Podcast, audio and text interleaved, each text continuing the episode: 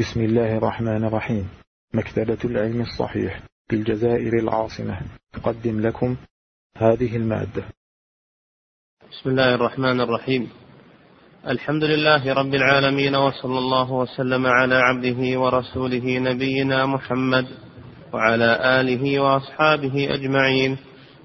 قال المؤلف رحمه الله تعالى وإذا رأيت الرجل يطعن على أصحاب النبي صلى الله عليه وسلم ورضي الله عنهم فاعلم أنه صاحب هوى وصاحب قول سوء. بسم الله الرحمن الرحيم. الحمد لله رب العالمين صلى الله وسلم على نبينا محمد وعلى آله وأصحابه أجمعين.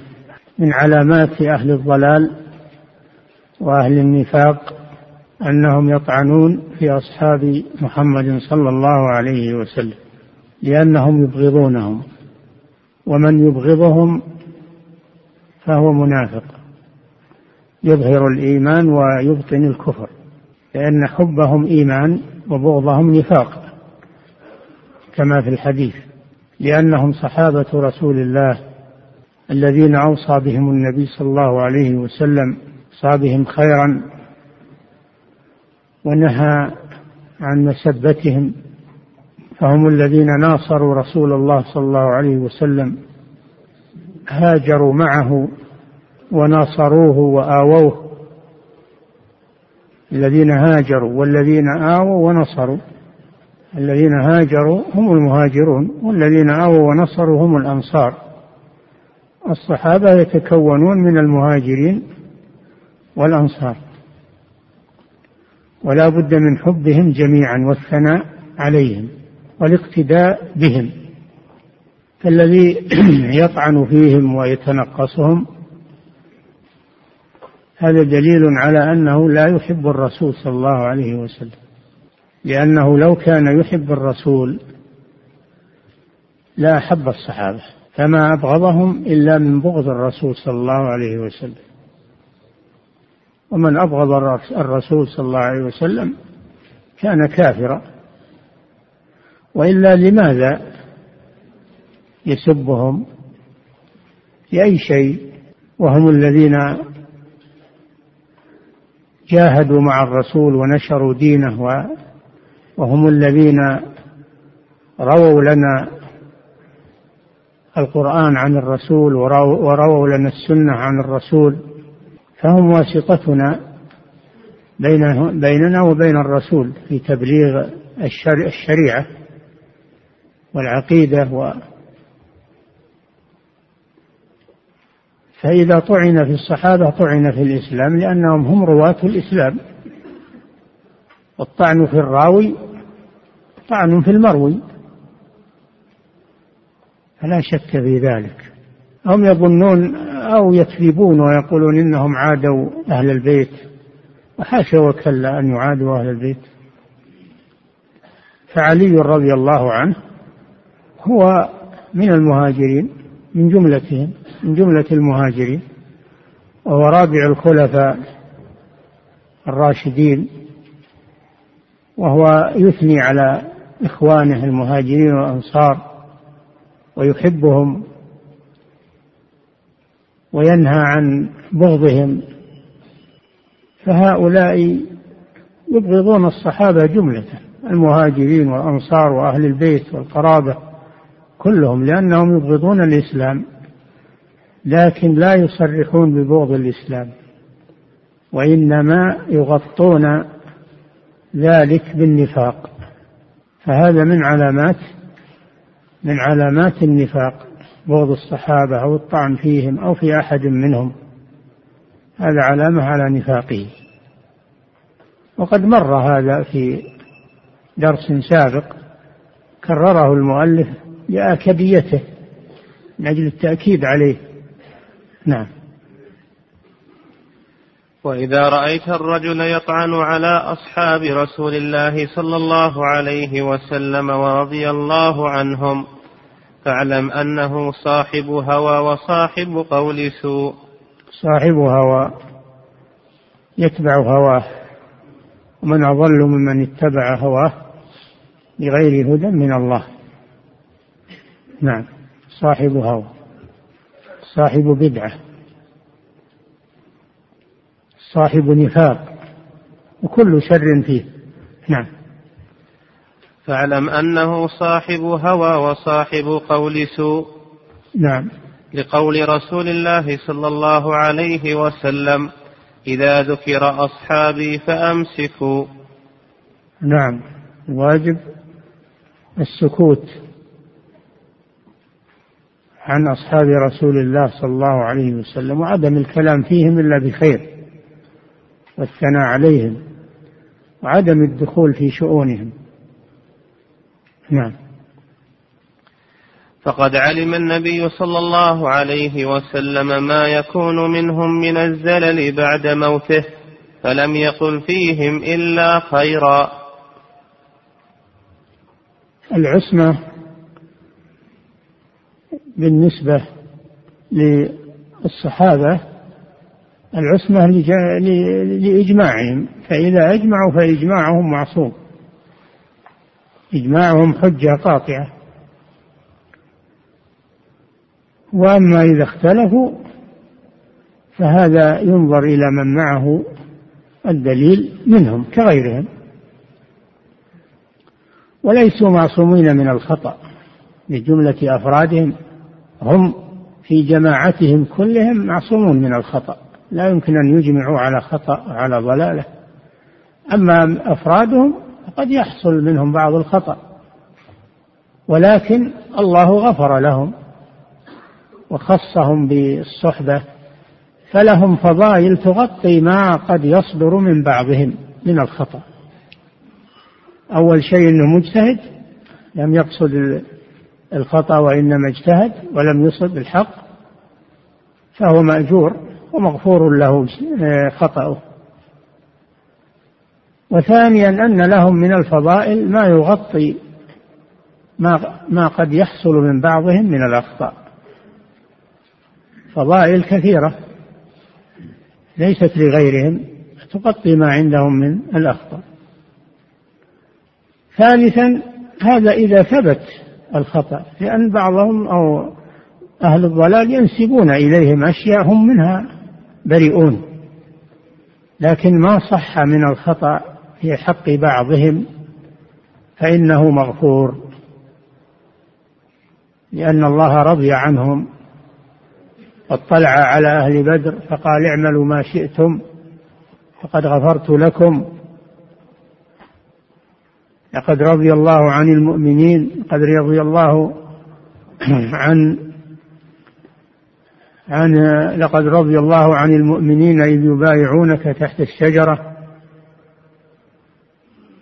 لقد تاب الله على النبي والمهاجرين والأنصار. هذه عامة. تاب الله عليهم. إن الذين تولوا منكم يوم التقى الجمعان إنما استزلهم الشيطان ببعض ما كسبوا ولقد عفى الله عنهم.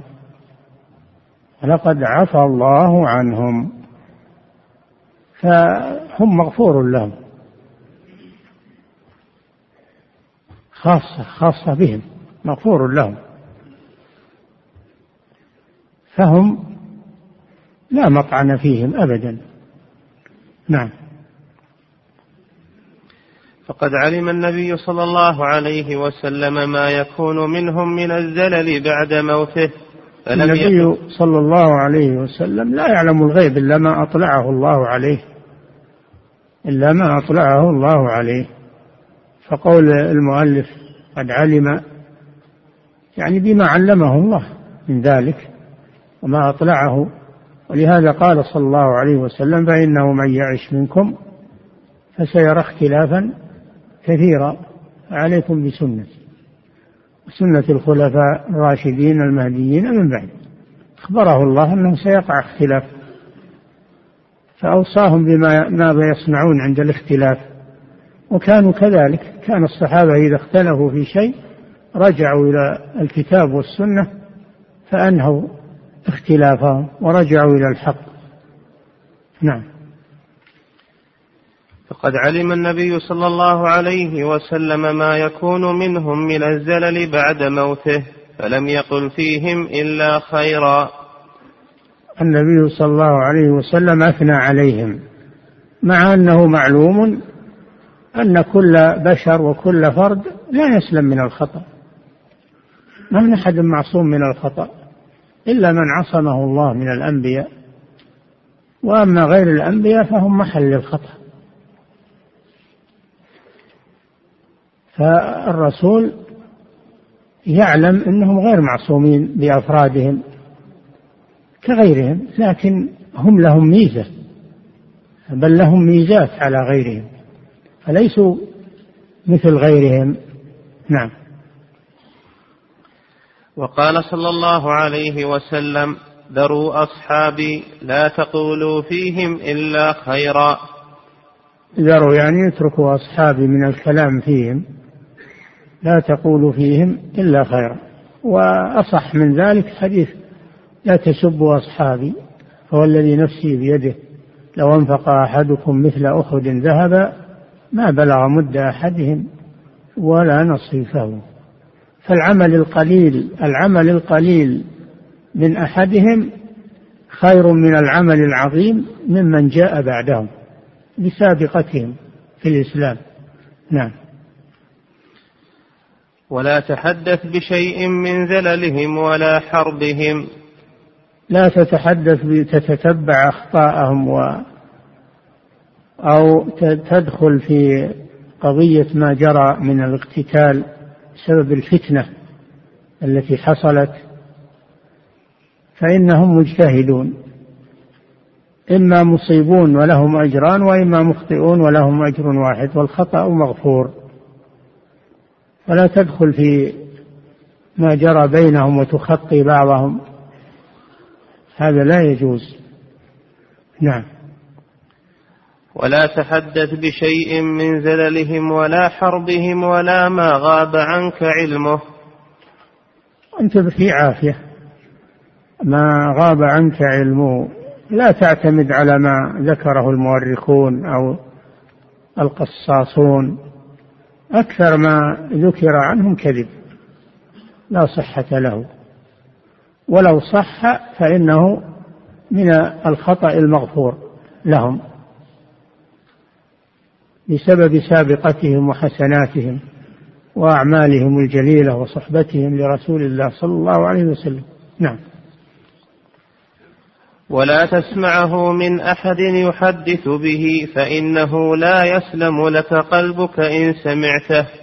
لا تستمع للذين يتكلمون في في المجالس أو في الدروس أو في أي مجال يتكلمون في صحابة رسول الله صلى الله عليه وسلم ولا تحضر هذه المجالس ولا تستمر في سماعها بل اقطعها وابتعد عنها.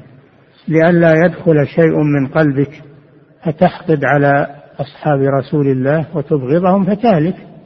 إذا أبغضتهم هلكت. نعم. وإذا سمعت الرجل يطعن على الآثار أو يرد الآثار أو يريد غير الآثار فاتهمه على الإسلام. هذا في السنة سنة الرسول صلى الله عليه وسلم. الآثار يعني السنة التي هي الأحاديث. سنة الرسول صلى الله عليه وسلم وهي ما ثبت عنه من قول أو فعل أو تقرير هذه هي السنة. فإذا صح ذلك فالواجب الإيمان به وعدم رده. فإن من رد سنة الرسول صلى الله عليه وسلم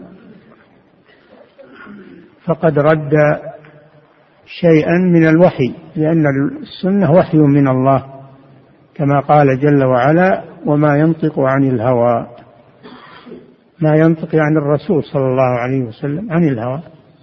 إن هو إلا وحي يوحى. فالسنة وحي من الله جل وعلا. ويسمى الوحي الثاني الوحي الأول القرآن.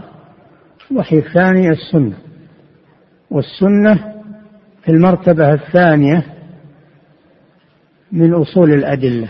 أصول الأدلة الكتاب والسنة والإجماع والقياس. هذه أصول الأدلة. المجمع عليها. ثلاثة مجمع عليها الكتاب والسنة والإجماع مجمع عليها. القياس فيه اختلاف يسير والأكثر على أنه من أصول الأدلة. يعتبر الحاصل أن السنة هي المصدر الثاني وهي الأصل الثاني من أصول الأدلة. وهي ما صح عن النبي صلى الله عليه وسلم. أما ما لم يصح فهذا له شأن آخر يبحث في في ضعفه وأسبابه وكما هو معلوم في عند علماء الحديث لكن ما صح سنده عن النبي صلى الله عليه وسلم وجب قبوله والتسليم له. في هذا رد على من لا يحتجون بالسنة. ويقولون نقتصر بالقرآن على القرآن. القرآن أحال على السنة. قال تعالى وما آتاكم الرسول فخذوه وما نهاكم عنه فانتهوا. وقال جل وعلا وما ينطق عن الهوى إن هو إلا وحي يوحى. قال تعالى وأنزلنا إليك الذكر لتبين للناس ما نزل إليهم. فالسنة مبينة للقرآن ومفسرة له ومقيدة لمطلقه ومبينة لمجمله ومفسرة لمعناه. فلا بد من السنة مع القرآن. فمثلا الصلاة جاءت في القرآن مجملة. أمر الله بإقام الصلاة ولم يبين ما هي الصلوات.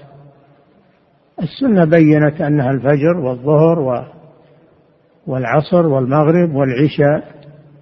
القرآن لم يبين عدد الركعات السنة بينت هذا. الفجر ركعتان والمغرب ثلاث ركعات والظهر والعصر والعشاء أربع ركعات في الحضر وركعتان في السفر. كل هذا بينته السنة. الزكاة كذلك.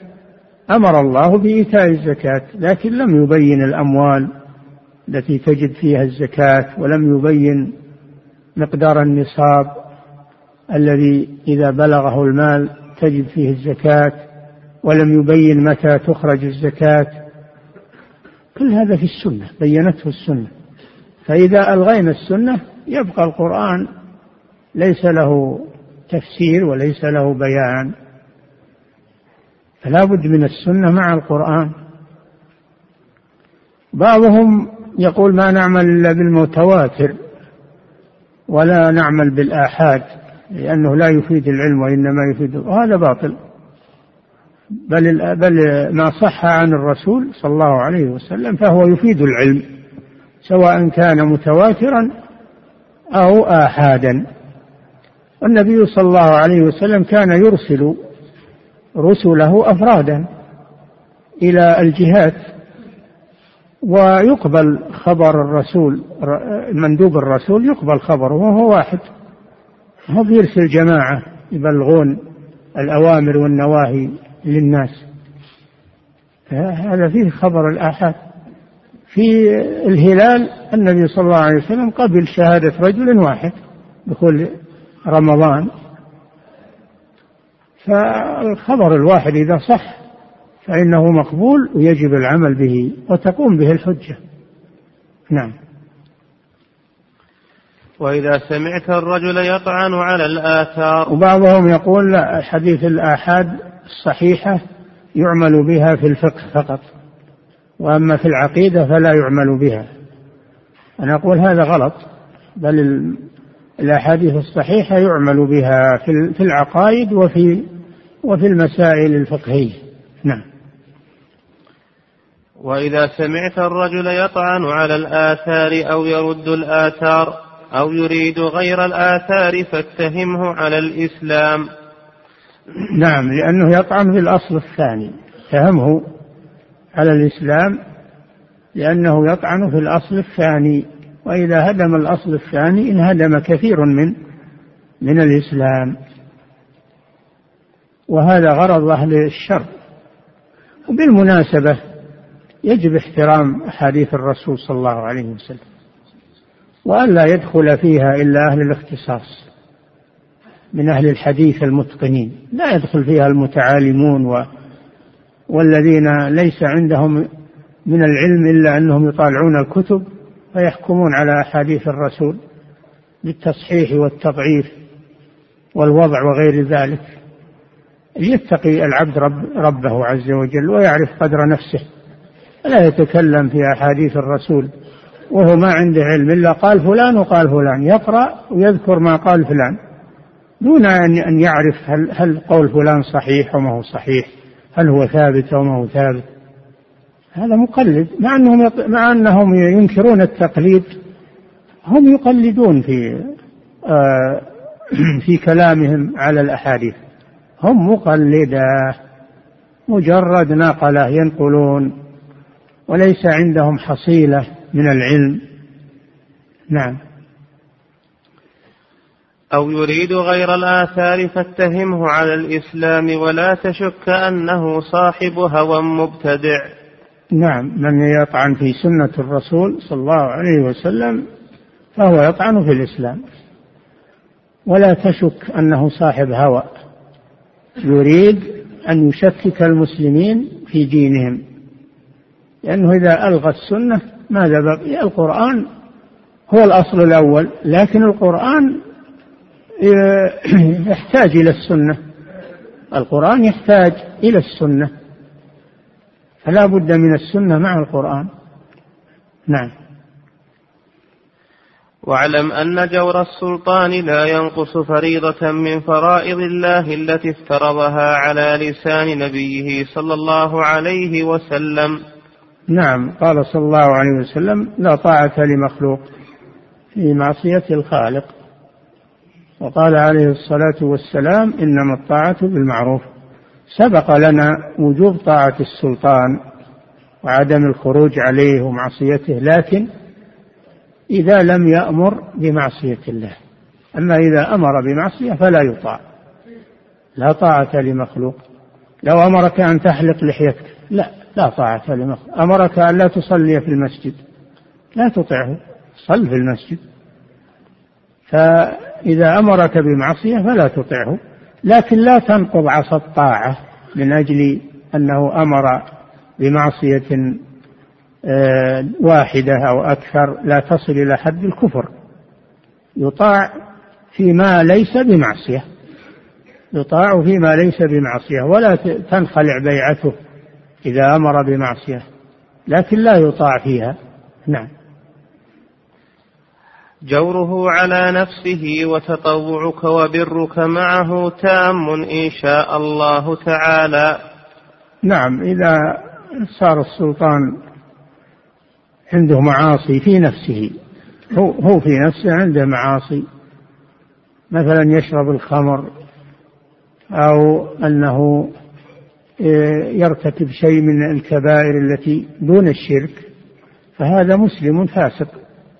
عاصي لكنه ولي أمر. ولي أمر تجب طاعته ما لم يصل إلى حد الكفر لأن في طاعته مصالح للمسلمين جمع الكلمة واستقرار الأمن وحقن الدماء وفي معصيته والخروج عليه شرور كثيرة. أكثر خطرا من البقاء على طاعته مع المعصية. البقاء على طاعته مع المعصية فيه ضرر لا شك. لكن هذا الضرر أقل من الضرر الذي يحصل بالخروج عليه. فهذه القاعدة عند أهل السنة والجماعة. نعم. يعني الجماعة والجمعة والجهاد معهم وكل شيء من الطاعات فشاركهم فيه. نعم. كل شيء يعملون من الطاعات ولو كانوا عصاة شاركهم فيه. شاركهم فيه. وأما المعصية فتجنبها. لا تشاركهم في المعصية لكن شاركهم في الطاعات. إلا صلاة الجماعة فأنت تصلي لأن صلاة الجماعة طاعة. فأنت شاركهم في الطاعات لكن لا تشاركهم في المعاصي. في شرب الخمر في غير ذلك من المعاصي لا تشاركهم فيها. اعتزلهم فيها. لا تحضر مجالسهم. لكن إذا أطاعوا الله فأطع الله معهم. نعم. وكل شيء من الطاعات فشاركهم فيه فلك نيتك له. نعم. وإذا رأيت الرجل يدعو على السلطان فاعلم أنه صاحب هوى. نعم هذه العبارة مأثورة عن السلف. إذا رأيت الرجل يدعو على السلطان فاعلم أنه صاحب هوى. يعني أن هذه نزعة خارجية نزعة اعتزالية لأن الخوارج والمعتزلة هم الذين يدعون على ولاة الأمور أمور المسلمين. والواجب العكس أن يدعو لهم بالصلاح والتوفيق لأن صلاحهم صلاح للإسلام والمسلمين. فأنت إذا دعوت لهم فإنك تدعو للمسلمين لأن صلاح الوالي صلاح للرعية. هذا منهج السلف في الدعاء لولاة الأمور بالصلاح. نعم. وإذا سمعت الرجل يدعو للسلطان بالصلاح فاعلم أنه صاحب سنة إن شاء الله. إذا رأيته يدعو عليهم فاعلم أنه صاحب هوى. إذا رأيته يدعو لهم بالصلاح فاعلم أنه صاحب سنة. لأن هذا هدي السلف مع ولاة الأمور. نعم.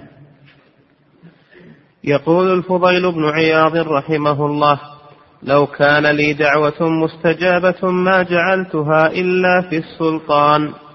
فضيل بن عياض رحمه الله من من أكابر العلماء والعباد والزهاد والأتقياء. يقول هذه العبارة لو علمت أن لي دعوة مستجابة لجعلتها للسلطان. هذا من النصح هذا من النصح عملا بقوله صلى الله عليه وسلم الدين النصيحة.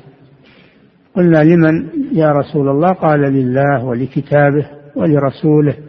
ولأئمة المسلمين وعامتهم ومن النصيحة لأئمة المسلمين الدعاء لهم بالصلاح ومن الغش لهم الدعاء عليهم. نعم. قيل له يا أبا علي فسر لنا هذا. قال إذا جعلتها في نفسي لم تعدني.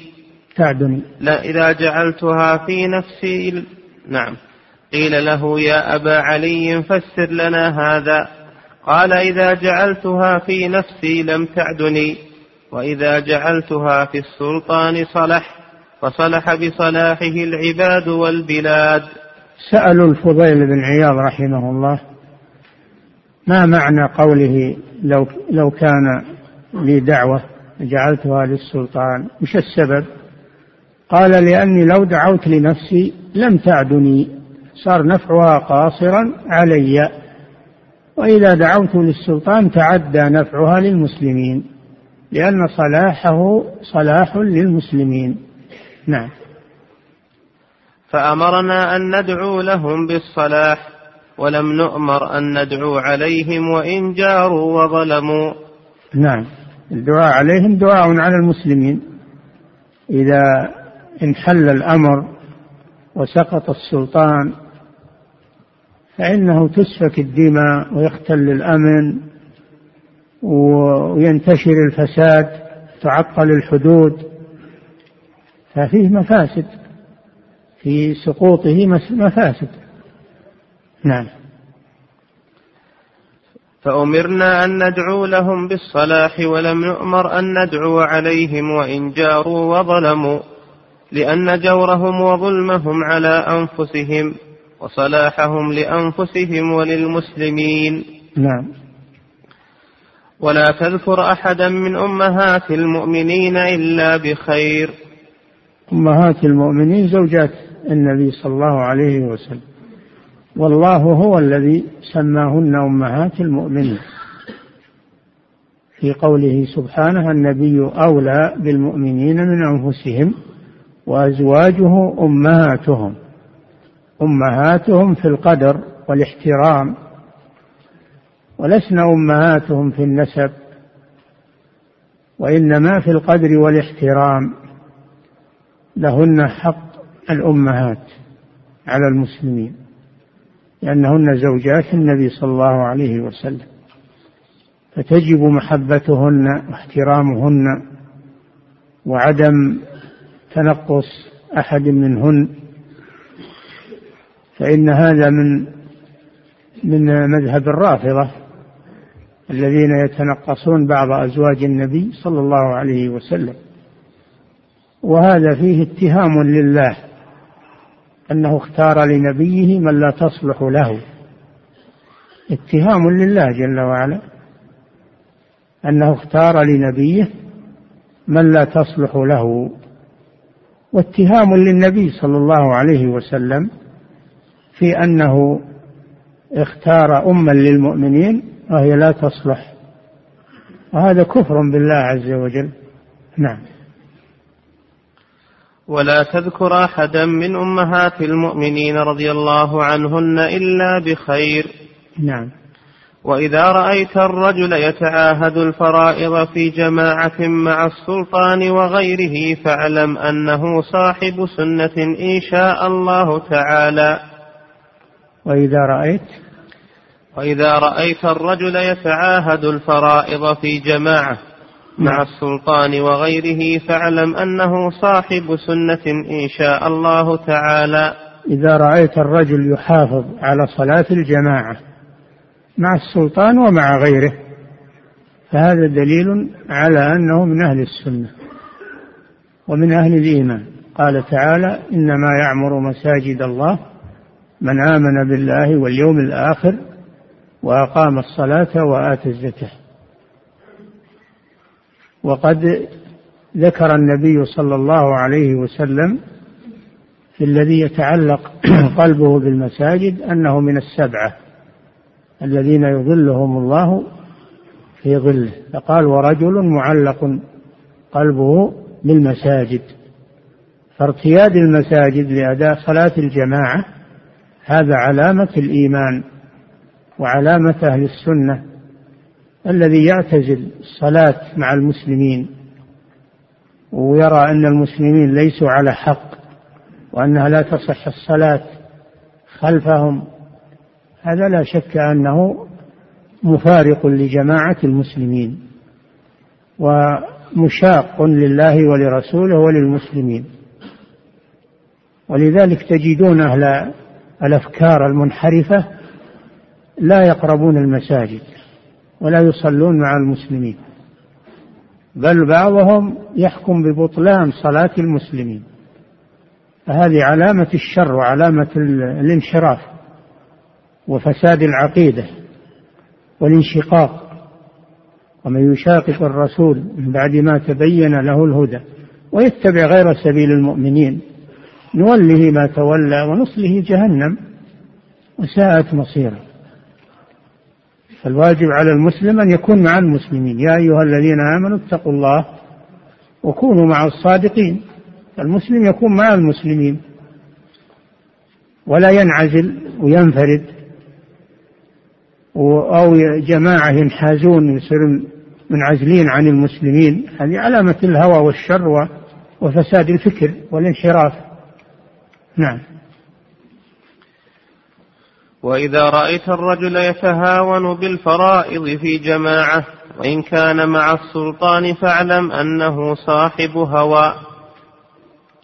نعم. إذا رأيت الرجل يترك صلاة الجماعة فإن كان يتركها مع السلطان فهو صاحب هوى من المعتزلة أو الخوارج الذين يكفرون بالمعصية. يكفرون السلاطين بالمعصية التي دون الكفر ودون الشرك. هذا مذهبهم. أما إذا كان يعتزل الجماعة مع غير السلطان فهذا منافق لأن النبي صلى الله عليه وسلم قال أثقل الصلوات على المنافقين صلاة العشاء وصلاة الفجر فعد التخلف عن الصلاة نفاقا. حتى قال عبد الله بن مسعود رضي الله عنه ولقد رأيتنا وما يتخلف عنها إلا منافق معلوم النفاق. الذي يتخلف عن صلاة الجماعة من غير عذر هذا دليل على نفاقه لأن المنافقين يتخلفون عن الصلاة خصوصا بالليل لأن الليل لا يراهم أحد أما بالنهار فيحضرون لأن الناس يرونهم. وهم يراءون بأعمالهم وينافقون. لكن صلاة الليل هذه في ظلام ولا يراهم أحد إذا تخلفوا. نعم. والحلال ما شهدت عليه وحلفت عليه أنه حلال. قال صلى الله عليه وسلم إن الحلال بين وإن الحرام بين وبينهما أمور مشتبهات.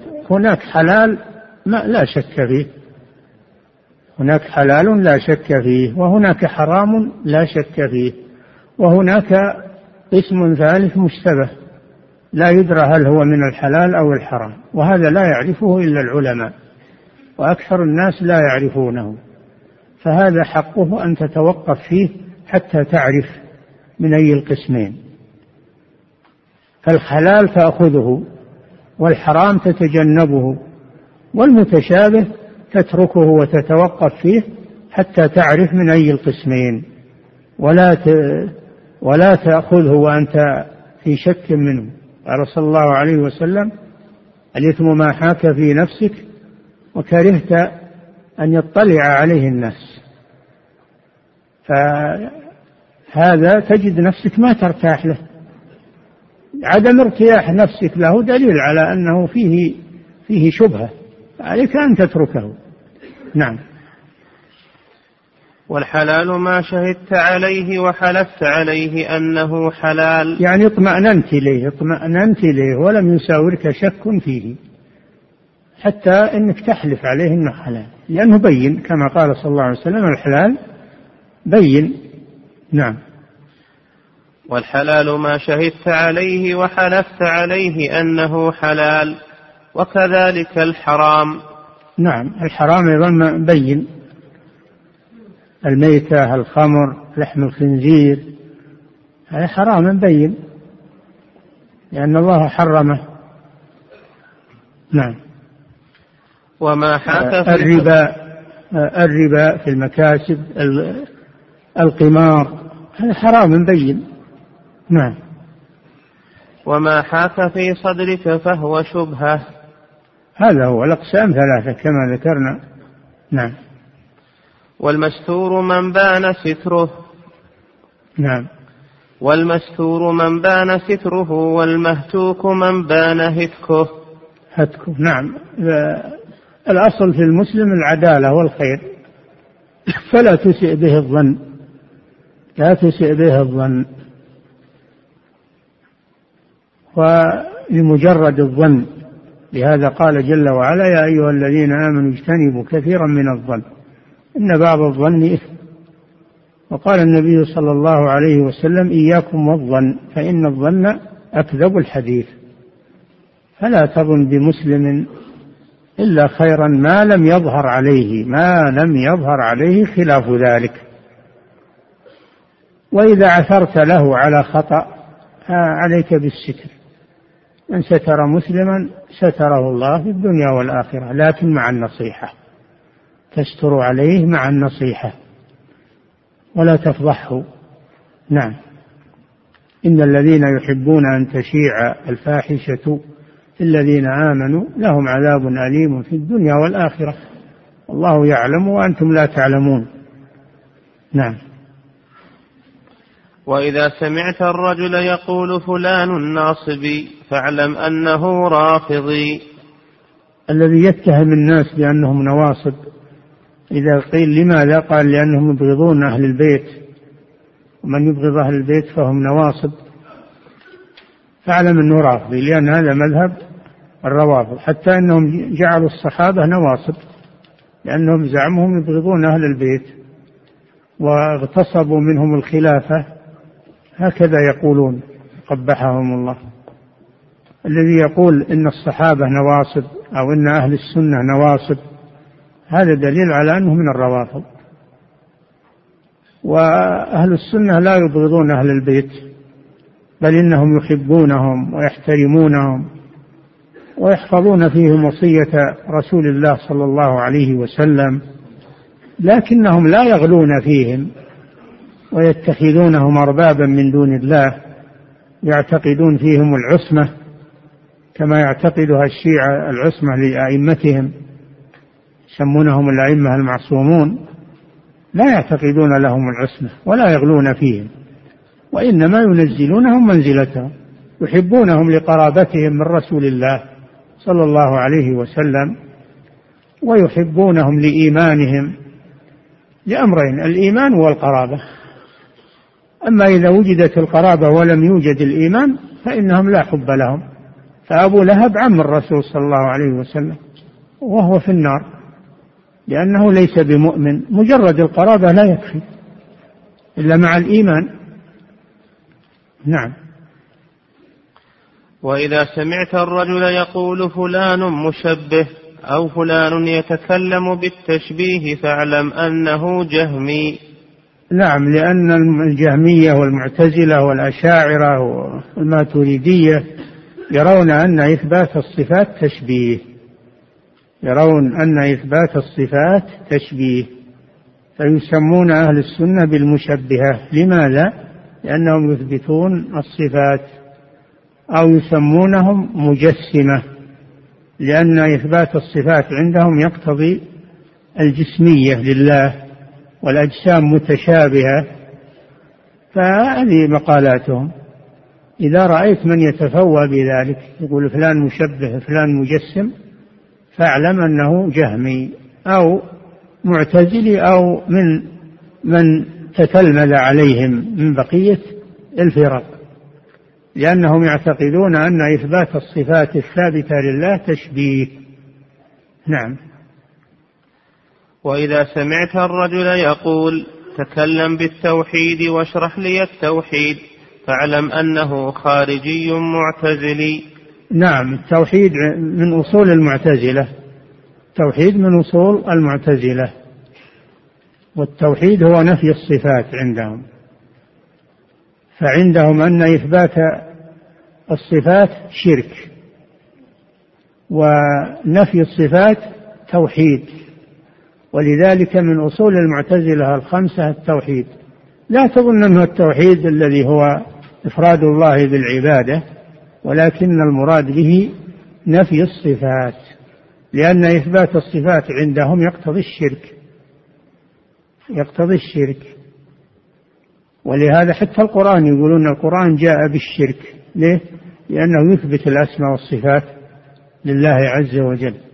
نعم. وإذا سمعت الرجل الرجل يقول تكلم بالتوحيد واشرح لي التوحيد فاعلم أنه خارجي معتزلي. هذا قصد الشيخ رحمه الله قصده التوحيد الذي هو على مذهب المعتزلة. أما التوحيد الذي هو على مذهب أهل السنة وهو إفراد الله بالعبادة فإذا طلبت بيان التوحيد الذي هو إفراد الله بالعبادة ونفي الشرك هذا لا بأس به.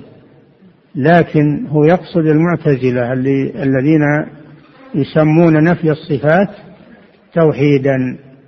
نعم. أو يقول فلان مجبر أو يتكلم بالإجبار أو تكلم بالعدل فاعلم أنه قدري. من أصول من أصول المعتزلة أيضا العدل. العدل. العدل إيش معناه نفي القدر. لأنهم يقولون لو أثبتنا القدر لا وصفنا الله بالجور حيث إنه يعذبهم على شيء قد قدره عليهم. هذا هو الجور. فنقول لهم الله لم يعذبهم على القدر وإنما عذبهم على أفعالهم على كفرهم وشركهم. هم بأفعالهم. لم يعذبهم على أنه قدر عليهم أبدا إنما يعذبهم بأفعالهم وشركهم ومعصيتهم. الجزاء على الأعمال ما هو على القدر. الله لا يثيب أحدا لأنه قدر أنه يكون مؤمنا. حتى يؤمن بالفعل ويعمل بالإيمان ولا يعذب أحدا مجرد أنه قدر عليه حتى يفعل المعصية ويفعل سبب العذاب. فالثواب والعقاب منوطان بأفعال العباد لا منوطان بالقدر أبدا.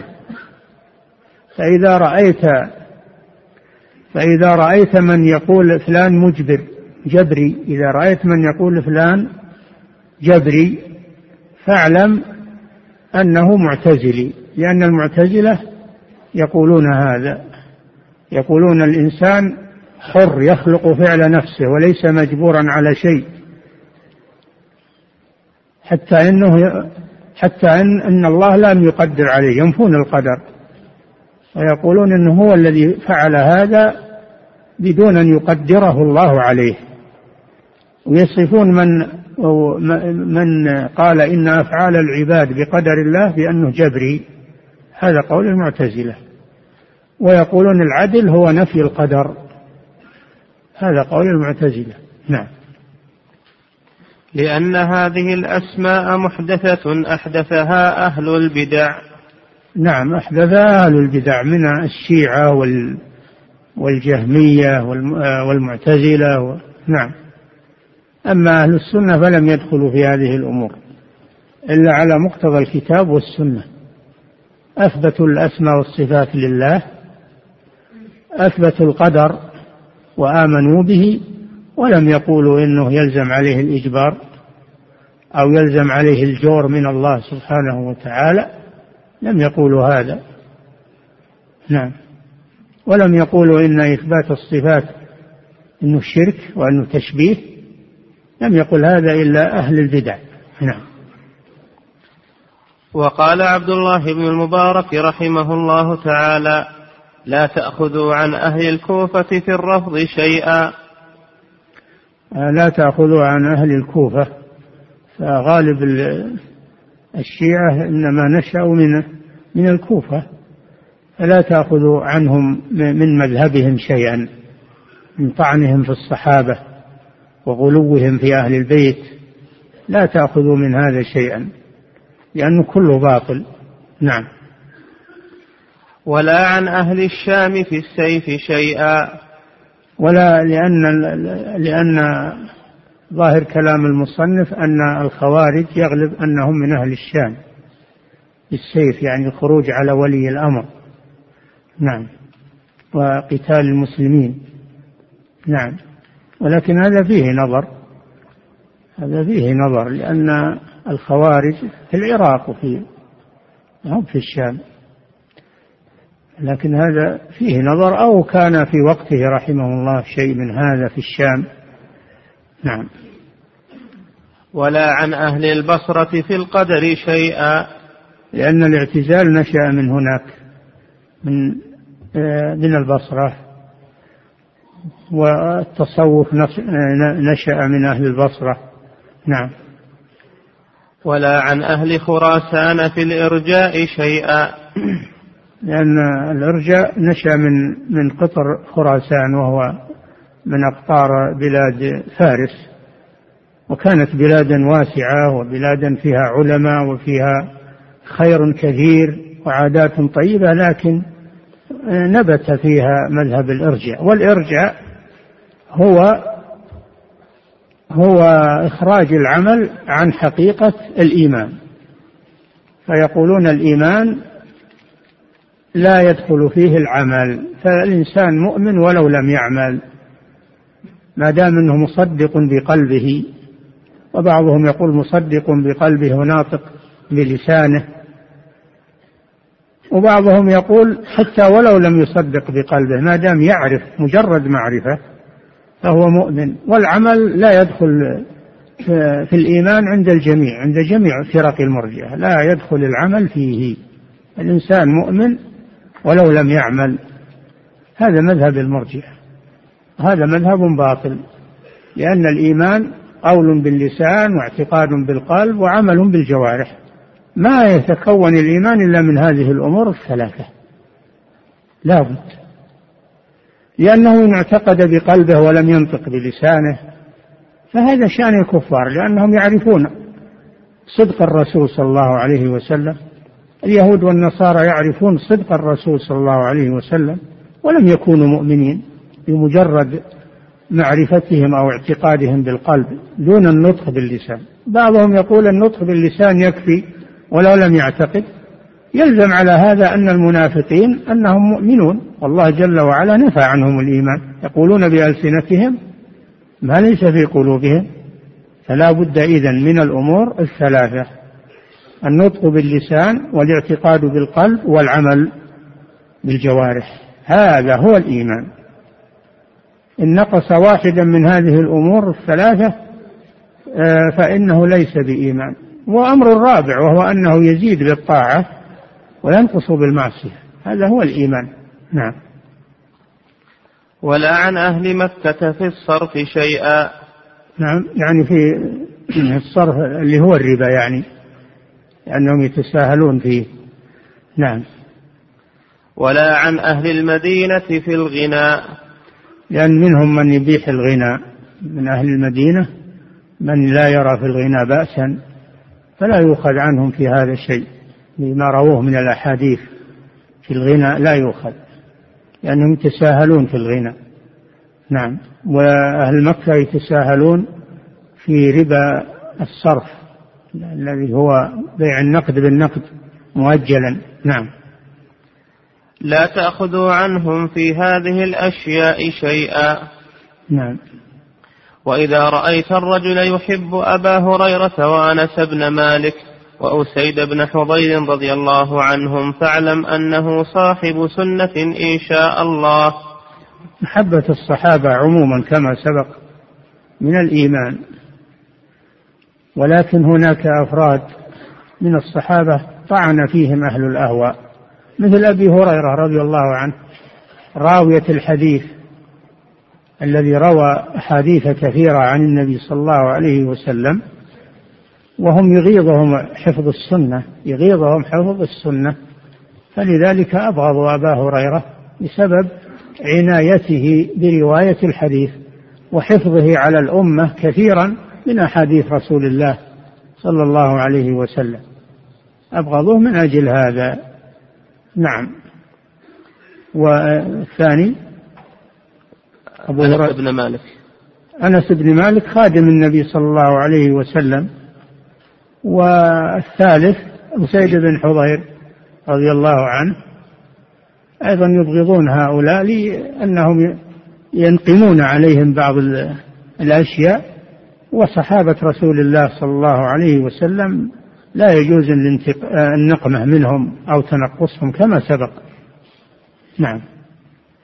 وإذا رأيت الرجل يحب أيوبا وابن عون ويونس بن عبيد وعبد الله بن إدريس الأودي والشعبي ومالك بن مغول ويزيد بن زريع ومعاذ بن معاذ ووهب بن جرير وحماد بن زيد وحماد بن سلمة ومالك بن أنس والأوزاعي وزائدة بن قدامة فاعلم أنه صاحب سنة. لأن هؤلاء من رواة السنة ومن حفاظ الحديث وعلماء الجرح والتعديل الذي يبغضهم هذا يبغض عملهم الطيب وهو حفظهم للسنة والعناية بها. بأسانيدها وروايتها ورد الكذب رد الكذب والوضع عنها. نعم. فهم ما أبغضوهم إلا لعملهم في السنة العمل الجليل الذي حفظ الله به سنة رسوله صلى الله عليه وسلم. نعم. وإذا رأيت الرجل يحب أحمد بن حنبل والحجاج بن المن والحجاج بن المنهال وأحمد بن نصر وذكرهم بخير وقال قولهم فاعلم أنه صاحب سنة.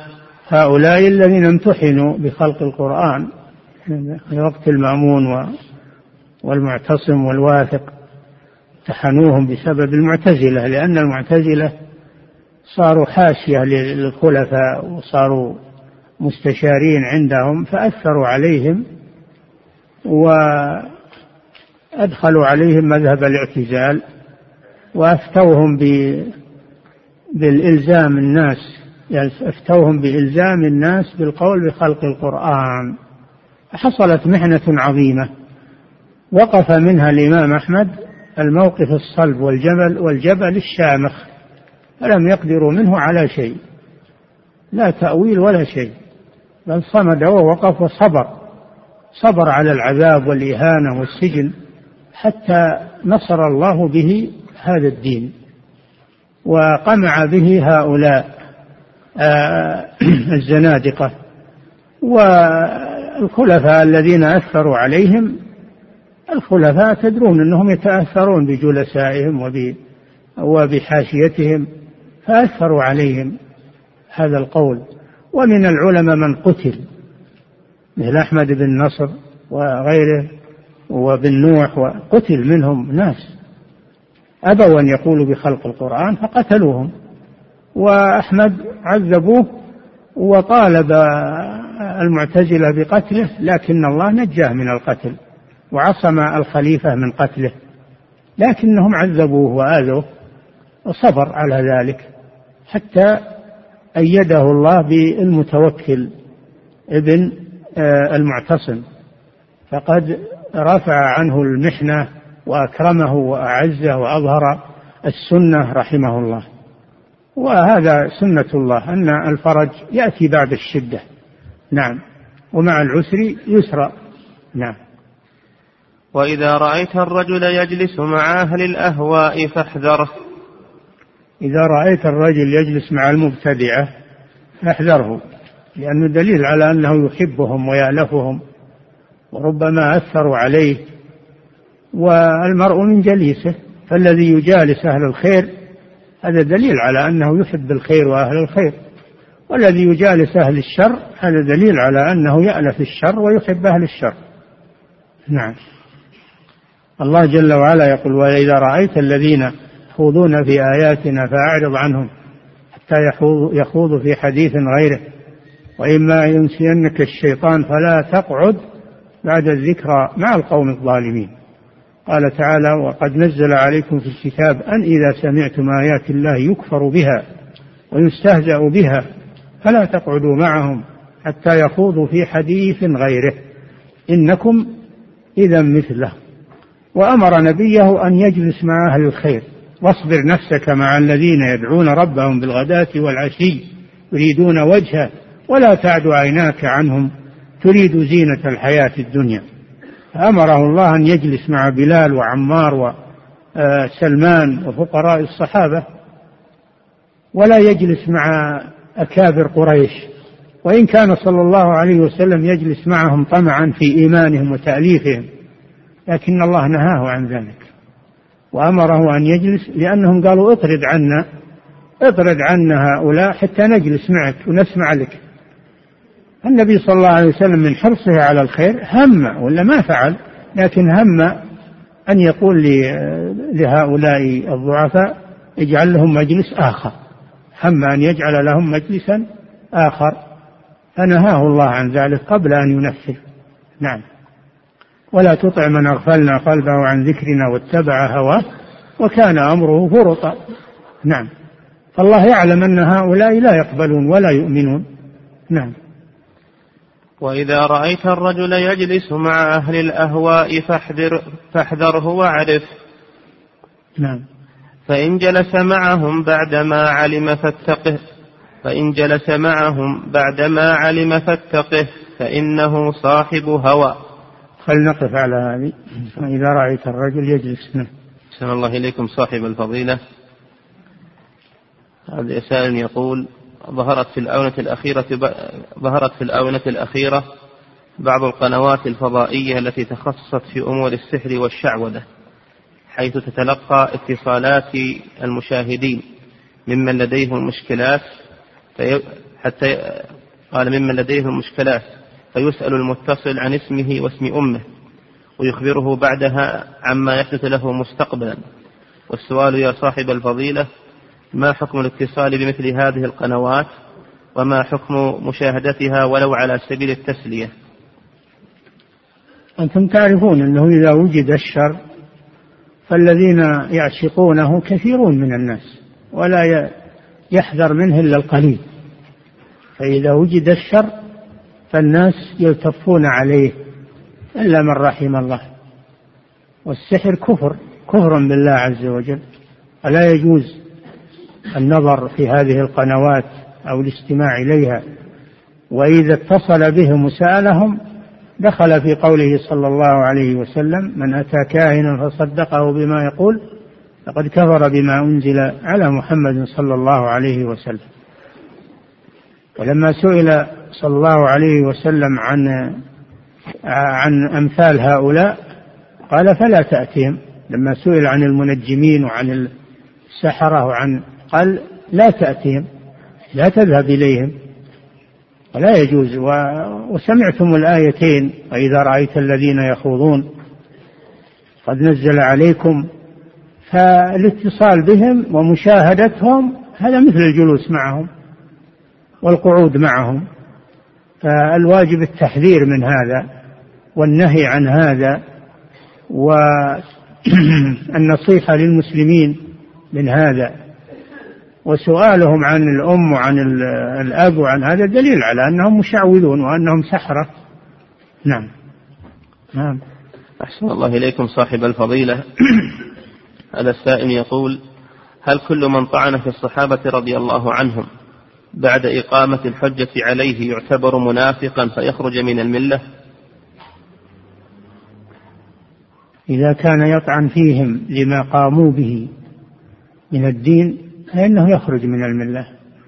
أما إذا كان يطعن فيهم لأشخاصهم لا لما قاموا به من الدين هذا يعتبر من الكبائر من كبائر الذنوب لأن الطعن في المسلم مهما كان ولو لم يكن صحابيا هذا من كبائر الذنوب.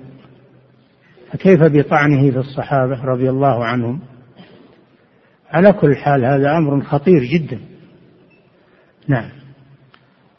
أحسن الله إليكم صاحب الفضيلة. وهذا السائل يقول ما سبب طعن الرافضة في الصحابة رضي الله عنهم؟ سمعتم لأنهم يكرهون الإسلام والصحابة هم الذين قاموا بالإسلام. قاموا به في حياة الرسول صلى الله عليه وسلم وبعد وفاة الرسول صلى الله عليه وسلم. فهم حاقدون على الإسلام. فلذلك طعنوا في رواته وحملته الذين بلغوه للأمة. ما طعنوا فيهم إلا لأجل هذا. من أجل أي شيء؟ إلا لأنهم قاموا بهذا الدين وبلغوه. نعم. أحسن الله إليكم صاحب الفضيلة. وهذا السائل يقول هناك كتاب اسمه نهج البلاغة ينسب لعلي رضي الله تعالى عنه. ما مدى صحة نسبته إليه؟ وهل, وهل ينصح بقراءته؟ الكتاب ما هو لعلي بمعنى أن علي ألفه. الذي ألفه هو رافضي. رافضي يقال له الشريف الرضي أو المرتضي. فهو الذي ألفه. يزعم أنه جمع فيه خطب علي بن أبي طالب. وفيه شيء من كلام علي لكنه قليل والكثير من كلام المعتزلة والشيعة. خطب لفقوها وجعلوا معها شيء من كلام علي من أجل الترويج على الناس. فيها اعتزال فيها نفي للقدر فيها سب للصحابة فيها تظلم لأهل البيت. فهو كتاب شيعي. نهج البلاغة كتاب شيعي مئة بالمئة. فليحذر منه طالب العلم. لا سيما وأن فيه بلاغة فيه بلاغة فائقة وأسلوب يؤثر على الإنسان الجاهل. نعم. أحسن الله إليكم صاحب الفضيلة. وهذا السائل يقول هل تنصحوننا بقراءة كتاب عنوانه حقبة من التاريخ؟ وما أعرفه ما أدري عنه. لم أره ولكن الغالب الغالب على الكتاب العصريين أنهم لا تسلم كتاباتهم من أخطاء إما عن قصد وإما عن غير قصد. نعم. والتاريخ أمره خطير لأنه يدخله الدس يدخله الكذب يدخله الأهواء. نعم. أحسن الله إليكم صاحب الفضيلة وهذا السائل يقول رزقت بابن سميته ولهذا يقول القحطاني في نونيته لا تقبلن من التوارث كلما نقل الرواة وخط كل بنان لا تقبل من التوارث يعني كل ما وجدت فيها. نعم. أحسن الله إليكم صاحب الفضيلة. وهذا السائل يقول رزقت بابن وسميته باسم الصحابي الجليل عبد الله بن عمر. رضي الله تعالى عنهما لأنني أحبه لمكانته في السنة. وفي بعض الأحيان أدعو ابني هذا بقول له ابن عمر بدلا من عبد الله فهل هذا الفعل صحيح؟ ادعوهم لآبائهم يقول الله جل وعلا ادعوهم لآبائهم ادعوه لأبيه ولا تنسبه إلى عمر. نعم. أما كونك تسميه عبد الله ما في معنى. أما أنك تقول ابن عمر وأنت ما أنت بعمر تنسبه إلى عمر بن الخطاب هذا لا يجوز. نعم. أحسن الله إليكم صاحب الفضيلة وهذا السائل يقول هل يعتبر أو هل تعتبر قراءة سيرة الصحابة رضي الله عنهم ومعرفة مواقفهم مع النبي صلى الله عليه وسلم من القرب التي تقرب إلى الله عز وجل؟ نعم. من القرب ومن العقيدة أيضا. هذا من العقيدة لأن من أصول العقيدة محبة صحابة رسول الله صلى الله عليه وسلم. ولن تعرف فضلهم وقدرهم إلا قرأ إذا قرأت سيرهم. إذا قرأت سيرهم وأحوالهم. نعم.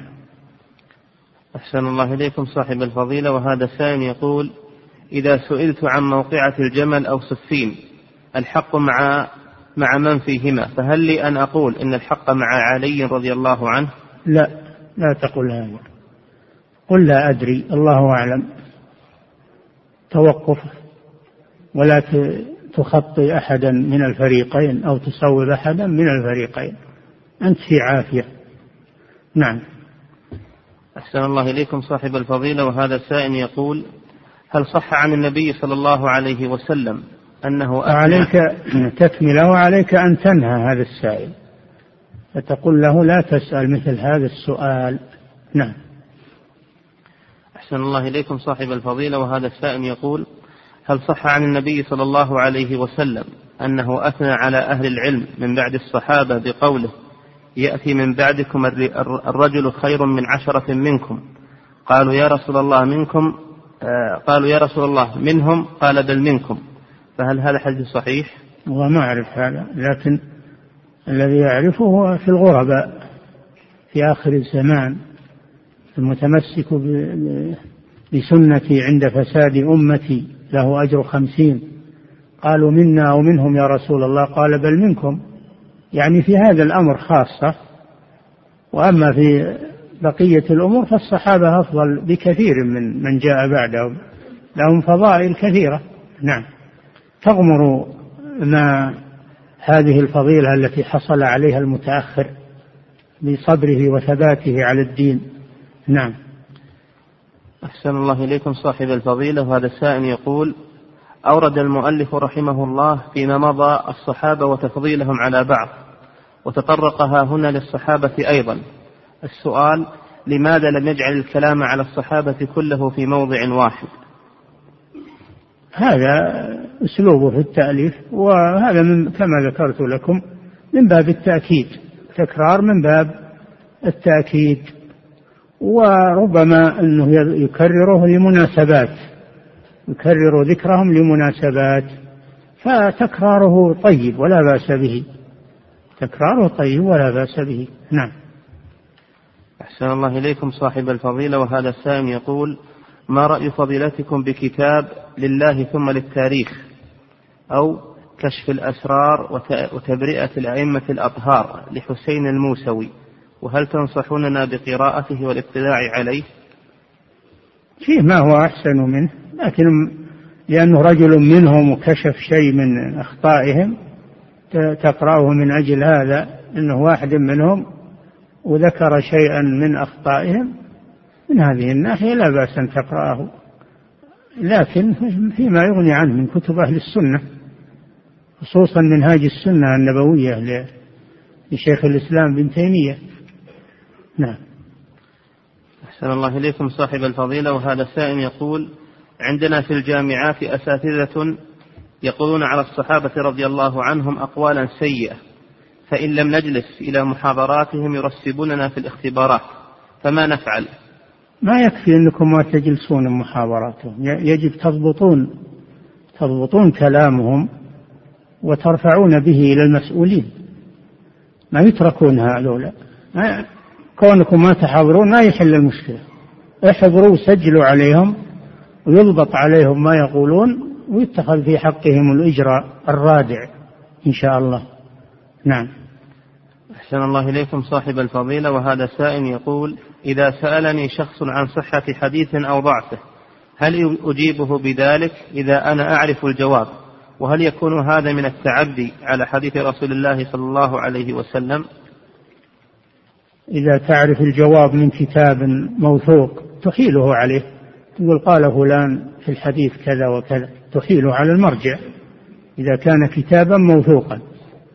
أما إذا كان الكتاب ما هو موثوق أو مؤلفه ليس معروفا فأنت تتوقف. تقول أنا ما أدري عن هذا. أسأل أهل العلم أهل الاختصاص في الحديث. نعم. أحسن الله إليكم صاحب الفضيلة. وهذا السائل يقول هل صحيح القول إن القرآن أحوج إلى السنة من حاجة السنة إلى القرآن؟ لا القرآن مع السنة. لا يكفي أحدهما عن الآخر. لا يكفي أحدهما عن الآخر. فإذا ما جاءت السنة مع القرآن بقي القرآن بدون تفسير في كثير من المواضع وبدون بيان في كثير من المواضع. نعم. أحسن الله إليكم صاحب الفضيلة وهذا السائل يقول ما حكم قول بعضهم العصمة لله ولرسوله صلى الله عليه وسلم؟ العصمة لرسول الله صلى الله عليه وسلم. لا تقول العصمة لله قل العصمة لكتاب الله. ممكن تقول العصمة لكتاب الله ولرسوله صلى الله عليه وسلم. لكتاب الله لأن الله قال إنا نحن نزلنا الذكر وإنا له لحافظون. فالله عصمه من التحريف والتبديل والتغيير. نعم. أحسن الله إليكم صاحب الفضيلة. وهذا سائل يقول هل يكون ممن رد الآثار ممن يؤول الأحاديث بتأويل غير سائغ؟ نعم. إذا فسرها بغير تفسيرها فقد ردها. إذا فسرها بغير تفسيرها فقد ردها وحرفها. نعم. أحسن الله إليكم صاحب الفضيلة. وهذا سائل يقول هل البدعة مثل الكفر لها موانع؟ أي أننا إذا قلنا ليس كل من وقع في الكفر وقع الكفر عليه نقول ذلك أيضا في البدعة؟ البدعة إذا لم يبتكرها صاحبها وإنما ظن أنها أنها صحيحة لأنه لا يعرف ضابط البدعة من السنة فهذا جاهل. هذا جاهل يبين له. يبين له. أما إذا كان يعرف أنها بدعة وأنها ما لها أصل فهذا مبتدع. ولهذا قال صلى الله عليه وسلم من أحدث في أمرنا هذا ما ليس منه فهو رد. فالمحدث مبتدع.